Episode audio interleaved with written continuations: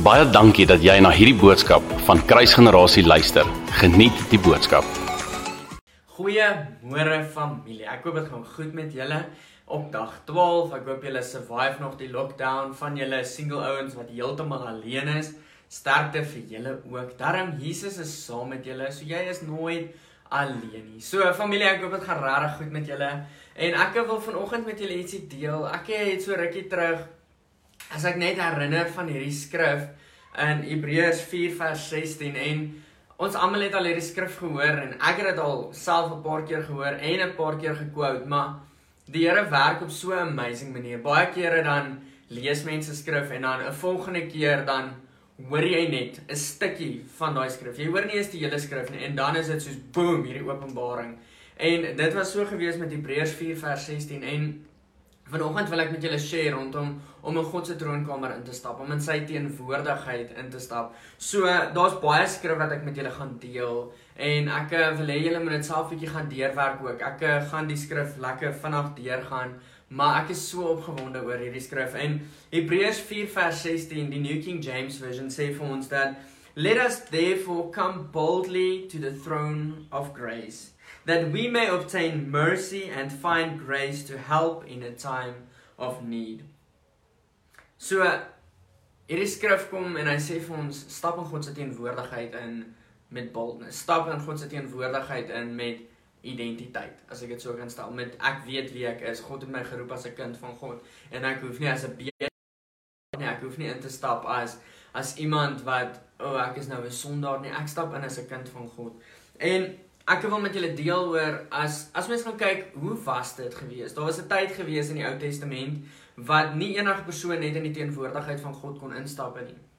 En God het baie met mense gepraat. Hy het met Adam en Eva gepraat, met Abraham, met met Moses buite die Ark of the Covenant, buite die tent van ontmoeting, het hy ook met hulle gepraat. Maar daar het 'n tyd gekom wat hy vir vir Moses gesê het, "Gaan bou hierdie hierdie kerk vir my. Gaan bou hierdie plek waar my teenwoordigheid gaan rus. So in in Exodus uh, 25 vanaf vers 17 tot 22. Dis 'n lang een, so ek sal hom lekker stadig lees.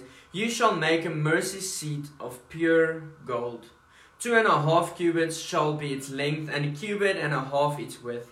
And you shall make two cherubims of gold, of hammered work. You shall make them at the two ends of the mercy seat. Make one cherub at the one end and the other cherub at the other end. You shall make the cherubim at the two ends of it of one piece with the mercy seat. And the cherubim shall stretch out their wings above, covering the mercy seat with their wings, and they shall face one another. The face of the cherubim shall be towards the mercy seat. You shall put the mercy seat on top of the ark, and in the ark you shall put the testimony that I will give you. En hier is 'n belangrike deel. And there I will meet with you, and I will speak with you from above the mercy seat, from between the two cherubims which are on the ark of the testimony. So, hier's hierdie prentjie. Hierso is 'n boks gebou en aan hierdie boks of bo op hierdie boks is 'n deksel en dan is daar die mercy seat en bo op hierdie mercy seat is daar twee cherubims wat um basically die troon van God cover, die mercy seat wat God se troon verteenwoordig cover en en dan God sê hy sal binne daai sto storie sal hy met ons praat. En dan as ons gaan kyk na Eksodus 28 vanaf vers 33 tot 35, um sê hy and a upon its hem you shall make pomegranates of blue. So net gou konteks. In hierdie skrif, die eerste een wat ek gedeel het was dit waar God se teenwoordigheid was, waaruit hy sal praat. Nou wil ek met jou deel wat was nodig geweest om in die teenwoordigheid van God in te stap, om in daardie heilige plek in te stap. Daar was al 'n keer geweest wat ek gepreek het daaroor wat daar drie afdelings was en in die laaste een die heilige plek, die allerheiligste plek, net daar mag die hoëpriesters ingegaan het. So hierdie skrif van Eksodus 28 is nou wat was nodig geweest op die kledingstukke van die hoëpriesters en dis nie al die al die vereistes vir die kledingstukke nie. Hierdie was net 'n belangrike deel wat deel is van die konteks is om klokkies aan die rok van of die kleed van die hoëpriester vas te maak. En hy sê so all around its hem and bells of gold between them all around. A golden bell and a pomegranate, a golden bell pomegranate, I repeat it, upon the hem of the robes all around, and it shall be upon Aaron when he ministers, and it shall make a sound that when he goes into the holy place before the Lord and when he comes out, that he may not die. So ons al 'n paar keer met julle gedeel dat wanneer ons in die heilige plek instap of wanneer die hoëpriester in die teenwoordigheid van God ingegaan het, was dit belangrik dat hy klokkies onder aan sy kleringstuk gehad het, juist sodat die wat buite is nog kan hoor, lewe hy nog, beweeg hy nog of is hy of was hy nie heilig genoeg nie, was hy doodgeslaan in God se teenwoordigheid. En dan het hulle 'n tou aan hom vasgemaak om hom uit te trek die oomblik wanneer die hoëpriester dit nie gemaak het nie. En op hierdie punt kom hy en hy gee hierdie vereiste vir Moses dat Aaron moet hierdie klokkies aan sy kleed hê. So Hierdie is nog steeds waar was ons? Hoe moes ons in die teenwoordigheid van God ingegaan het? Daar was 'n sekere plek gewees en 'n sekere tyd wat die hoëpriester kon ingaan.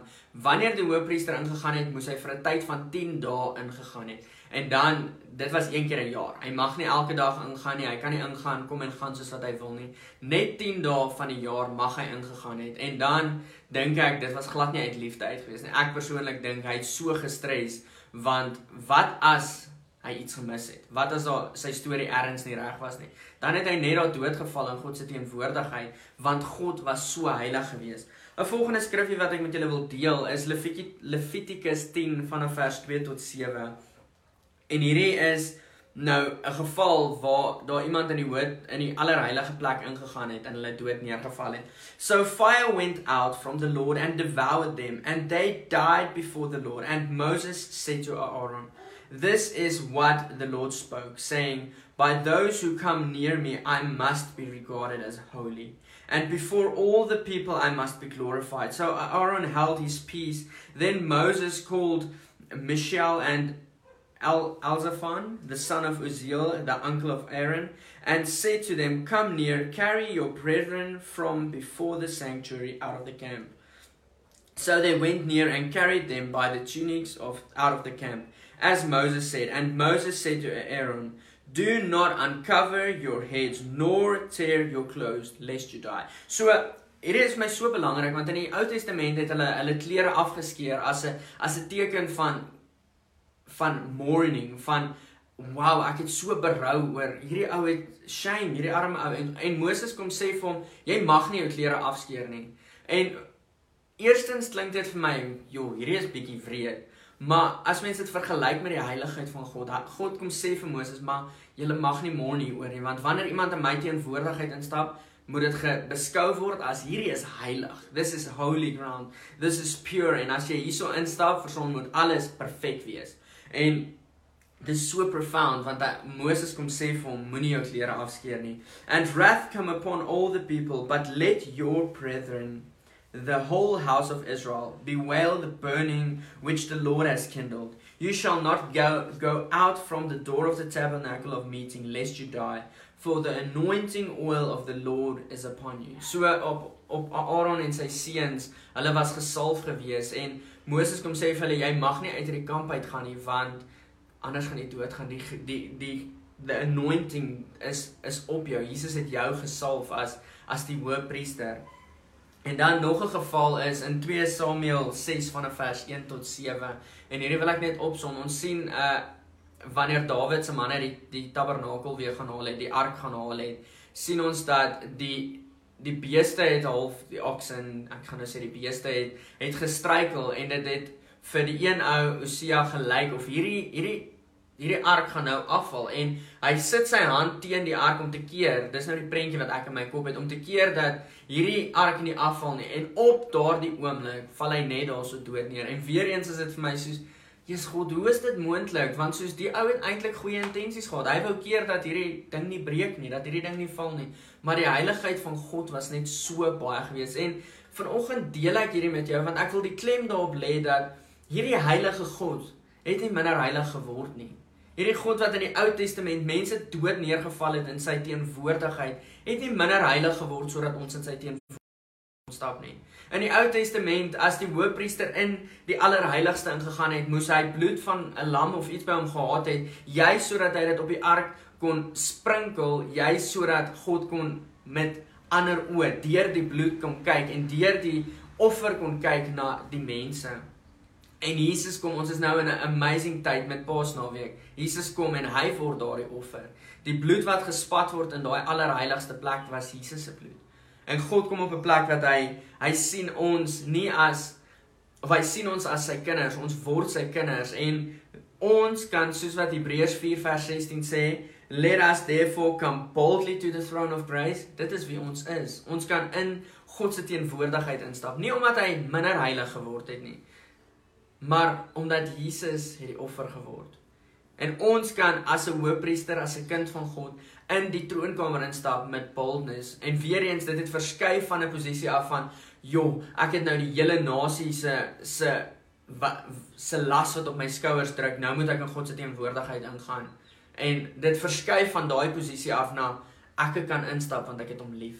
God roep ons tot liefde, hy roep ons tot intimiteit en hierdie al hierdie devotional so ver lei ons net terug na 'n posisie toe van God roep ons na intimiteit toe. En dis dieselfde met dit wat ek voel Vader met julle wil deel vanoggend en wat Vader met ons wil deel is dat we can step into that throne room with boldness. En ons ek wil bysit ons kan daar instap met liefde en 'n verliefdheid. As ons nou hooglied lees is dit is dit 'n voorreg vir ons om verlief te kan wees. En elke keer wat ek in aanbidding ingaan dan is ek net so bewus van die feit dat ek is bevoorreg om hierso te kan instap. Hierdie is 'n voorreg. Dis nie net my reg ek mag na aanbid nie. Dis 'n voorreg om in God se teenwoordigheid in te kan stap. Dis 'n voorreg om te kan sê my Jesus, hierso is ek. U het alles gegee. U het die offer geword. U het die bloed geword wat gesprinkel is sodat ek heilig gesien kan word. En God, U is heilig. U is heilig. En familie, daarmee sê ek nie vir jou jy moet die hele dag in hierdie lockdown Bybel lees en net heilig verkeer nie want die woord Paulus kom sê vir ons so baie alles wat ons doen doen dit tot eer van die Here. So ons kan buite in die tuin werk en die teenwoordigheid van die Here kan jou kom oorweldig. Dis nie 'n moet dat ek moet heeltyd Bybel lees nie. Dis amazing want ons stretch onsself. Ons kom op 'n plek wat die woord van God deur te te kyk na Jesus word ons gepurify maar hy kom praat so baie met ons in alledaagse dingetjies wat ons ook doen in die klein goedjies skorrelgoed was. En soveel keer is mens bevoorreg dat as mens TV kyk dan kom hy en hy kom praat met ons. Die Heilige Gees kom druk net iets op jou hart. So vanoggend wil ek jou daarmee motiveer. We can step into the throne room with all boldness. Die throne room is waar God se teenwoordigheid is En ek en jy kan daarso instap. Ons het nie nodig om klokkies aan te trek nie. Ons het nie nodig om 'n geraas te maak nie en bo als ons het nie nodig om 'n tou aan ons voet vas te maak nie. Want ons kan instap in liefde en, en ons kan met boldness instap en weet dat ek God gee vir my alles wat ek nodig het. So kan ek vir ons bid asseblief. Here, dankie dat U goed is en Ons is so lief vir U en Here ons is so bevoorreg om hierdie tyd in U teenwoordigheid te kan spandeer en te kan sê my Jesus U is waardig. U is waardig, you are the perfect sacrifice en Here ek bid dat U ons harte sal voorberei en ek wil kom bid dat U ons harte sal breek in hierdie tyd wat U hart breek. Here ons stap nou in Paasnaweek in en Paastyd in en 'n tyd wat Jesus wat ek regtig dink nie vir U maklik was nie. U het bloed gesweet. U het gesterf. En Here, ek bid hierdie woord en hierdie realiteit wat 2000 jaar terug gebeur het, dat dit 'n realiteit sal word in ons harte. Ek bid dat dit 'n gesproke woord sal word in ons harte. Dat dit nie net 'n geskrewe woord sal wees nie, maar dat dit lewendig sal wees. En Here, ek bid dat ons in hierdie tyd die man tussen die letters van die woord sal ontmoet. Dat ons koning Jesus, die almagtige, mooiste mens ooit sal ontmoet ons eer U vanoggend.